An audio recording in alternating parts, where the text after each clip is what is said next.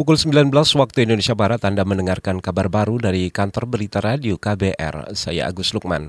Komisi Pemberantasan Korupsi KPK akan mendalami dugaan keterlibatan Menteri Pemuda dan Olahraga Imam Nahrawi dalam dugaan suap dana hibah dari Kementerian Pemuda dan Olahraga ke Komite Olahraga Nasional Indonesia atau KONI. Juru bicara KPK Febri Diansyah mengatakan catatan dana hibah menyebut nama Menpora Imam Nahrawi sebagai pejabat yang akan menerima dana hibah. Menurut catatan itu, Imam Nahrawi tercatat akan menerima dana sebesar satu setengah miliar rupiah. Yang pasti faktanya sekarang yang menjadi pokok perkara kan sudah diuraikan sejak di dakwaan ya, bahwa nanti ada fakta-fakta lain misalnya ternyata uh, ada fee atau ada praktek yang sama uh, pada hibah-hibah sebelumnya. Nah, nanti akan kami cermati lebih lanjut sepanjang memang bukti tersebut terkonfirmasi ya jadi yang kami maksud bukti terkonfirmasi itu ada kesesuaian antara satu keterangan saksi dengan saksi yang lain atau dengan bukti-bukti yang lain. Sebelumnya Komisi Pemberantasan Korupsi KPK memeriksa Sekretaris Bidang Perencanaan dan Anggaran KONI Suradi sebagai saksi dalam persidangan dana hibah ke KONI dan Kemenpora. Sebagai terdakwa Sekjen KONI adalah Ending Fuad Hamidi. Dalam uh, pemeriksaan uh, sebagai saksi di pengadilan, Suradi mengungkap ada nama Menpora Imam Nahrawi dalam catatan penerima dana hibah atau akan menerima dana hibah sejumlah satu setengah miliar rupiah.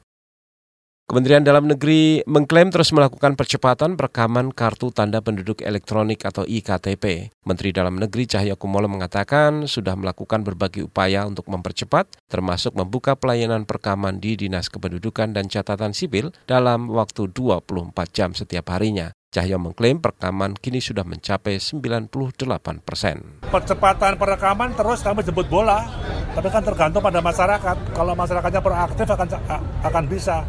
Dukcapil kami sekarang 24 jam dia standby. Bahkan hari libur melayani. Hari libur juga kita buka layanan.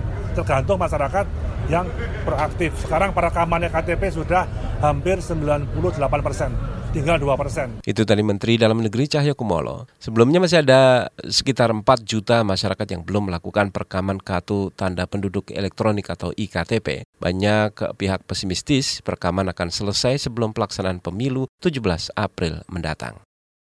Kementerian Perlindungan Perempuan dan Perlindungan Anak PPA mendorong media massa agar mengedepankan pemberitaan yang ramah anak. Deputi Partisipasi Masyarakat di Kementerian Perempuan dan Pelindungan Anak Indra Gunawan menilai masih banyak pemberitaan di media yang saat ini tidak ramah terhadap anak. Untuk mendorong pemberitaan ramah anak, Indra mengatakan kementerian menandatangani nota kesepahaman dengan Dewan Pers terkait pedoman pemberitaan ramah anak pada Februari lalu. Upaya-upaya ini tentu uh penting kita melibatkan media karena bagaimanapun juga sering kali pemberitaan-pemberitaan uh, apa namanya mungkin tidak ramah anak ya.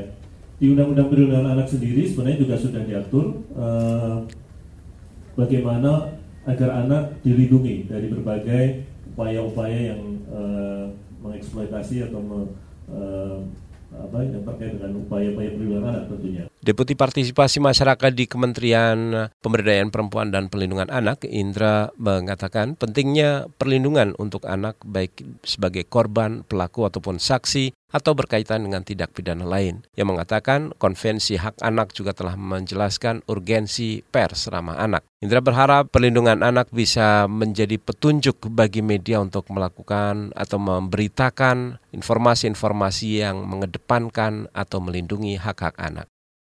Kita ke mancanegara, kandidat calon presiden dari Partai Demokrat di Amerika Serikat, Bernie Sanders, mendesak Amerika Serikat mengikuti jejak Selandia Baru dalam melarang penjualan senjata semi otomatis. Sanders bersama dengan anggota Partai Demokrat lain sejak lama meminta Amerika merombak undang-undang kepemilikan senjata setelah serangkaian penembakan massal berulang kali mengguncang negara tersebut. Namun anggota Parlemen Amerika Serikat sejauh ini ragu untuk memperlakukan kembali larangan penggunaan senjata, meskipun jumlah korban jiwa akibat insiden penembakan akan terus meningkat. Amerika telah melarang produksi senapan serbu bagi pengguna sipil pada tahun 94, tapi hukum itu berakhir 10 tahun kemudian dan tidak diperpanjang lagi. Demikian saudara kabar baru dari KBR, saya Agus Lukman.